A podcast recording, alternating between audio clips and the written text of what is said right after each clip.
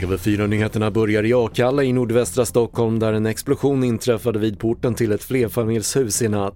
Enligt polisen har ingen person skadats fysiskt men det är materiella skador på byggnaden. Det är ingen person som är eh, gripen för den här händelsen än så länge men vi har information som vi jobbar vidare med.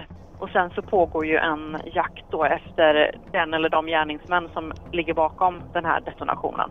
Det sa Anna Westberg på polisen. Trafikverket fick hård kritik efter att ha uppmanat anställda att arbeta gratis i samband med införandet av ett nytt planeringssystem för spårtrafiken under en helg i december. Nu backar verket och de som ställde upp kommer att ersättas, skriver facktidningen Publikt.